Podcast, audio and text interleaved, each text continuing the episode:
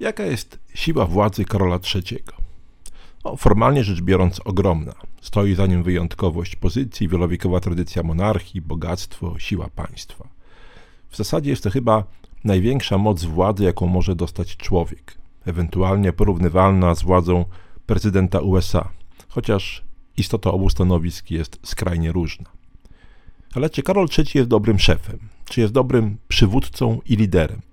Czy nawet gdyby nie był królem, potrafiłby skłaniać ludzi do działania wedle jego woli?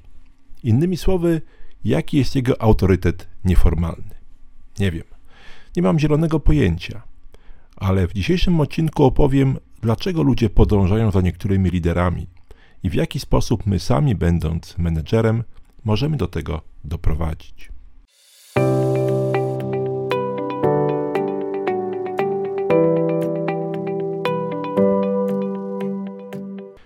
Wraz z otrzymaniem awansu na stanowisko kierownicze dostajemy formalny mandat i narzędzia do sprawowania naszej władzy. Dostajemy prawo do wydawania poleceń, wyznaczania zadań, oceniania, nagradzania, karania, dawania podwyżek. W zasadzie możemy zarządzać ludźmi, wykorzystując tylko nasze formalne atrybuty, ale efekty takiego zarządzania będą raczej słabe. Gdy pracownicy nas nie lubią, nie mamy u nich żadnego lub minimalny autorytet, to wykonają wprawdzie nasze polecenia, ale z minimalnym zaangażowaniem. Jeżeli zlecimy komuś wykonanie raportu, a ten zauważy błędy w danych albo naszą pomyłkę w definicji struktury tego zestawienia, to wzruszy ramionami i wykona tylko to, co miał wykonać. A jeżeli zwrócimy mu na to potem uwagę, to powie, że nie zauważył błędów, a w zasadzie to eliminacja pomyłek nie należy do jego obowiązków. A przecież chyba każdy z nas chciałby, aby pracownicy wykonywali polecenia najlepiej jak potrafią, a nie tylko na przysłowiowy odpierdol. I do tego właśnie potrzebny jest autorytet nieformalny. Posiadanie autorytetu wśród podwładnych daje wiele ogromnych korzyści. Pierwszą z nich jest zaufanie. To ogromna moc, która pozwoli nam przejść przez wiele firmowych kryzysów bez strat. Sam wielokrotnie stawałem przed ludźmi, kiedy firmie działo się źle, kiedy nie było pieniędzy na podwyżki, premie, szkolenia czy wyjazdy integracyjne.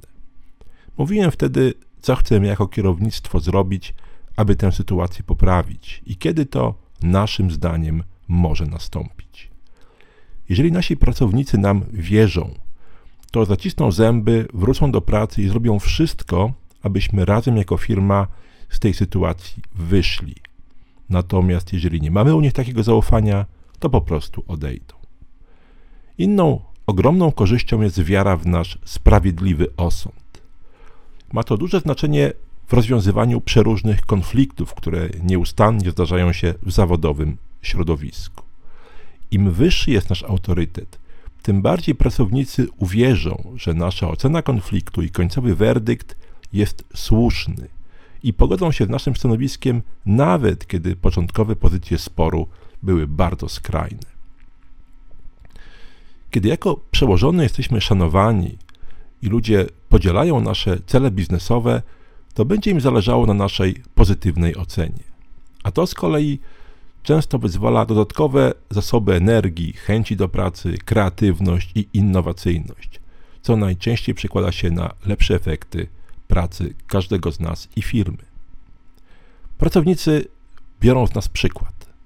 Nasze pozytywne relacje z bezpośrednimi podwładnymi są przenoszone w dół do szeregowych pracowników.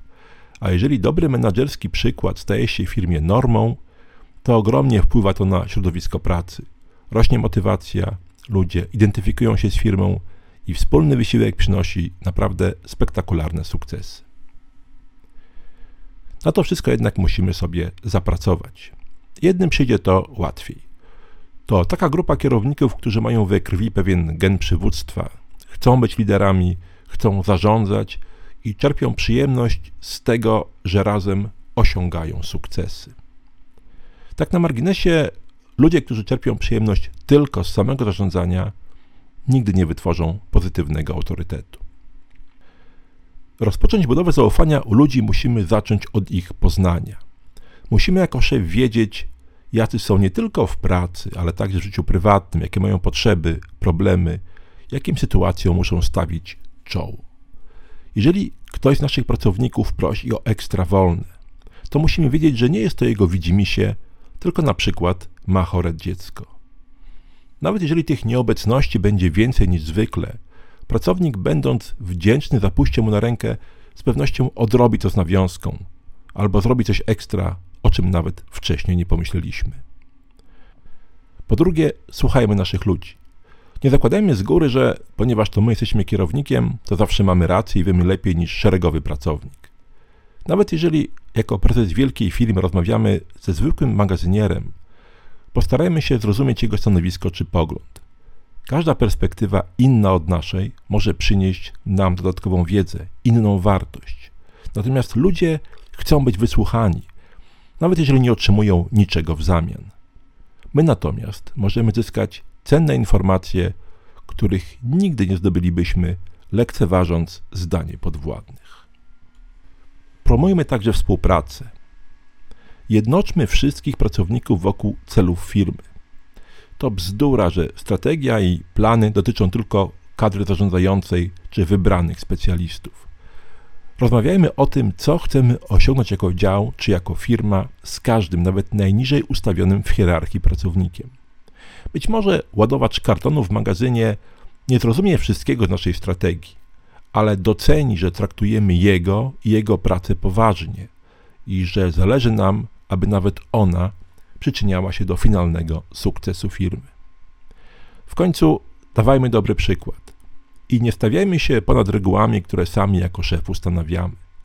Jeżeli oczekujemy od ludzi punktualności, to sami nie spóźniajmy się na spotkania, które prowadzimy. Jeżeli mamy w firmie kryzys i oczekujemy od ludzi zaciskania pasa, to nie wymieniajmy służbowego auta na nowe tylko dlatego, że akurat przysługuje nam taki przywilej. W tym wszystkim zaś starajmy się być naturalni. Nie bądźmy jak filmowy Hancock, który automatycznie do każdego zwracał się słowami dobra robota, bo tak mu polecił jego PR-owy doradca. Jeżeli dobre praktyki menedżerskie będą naszym naturalnym zachowaniem, to zbudujemy sobie fantastyczny autorytet, który z pewnością będzie procentował przez lata z korzyścią i dla nas, i dla firmy. Dziękuję za uwagę i zapraszam na kolejne odcinki podcastu Jak być dobrym menedżerem.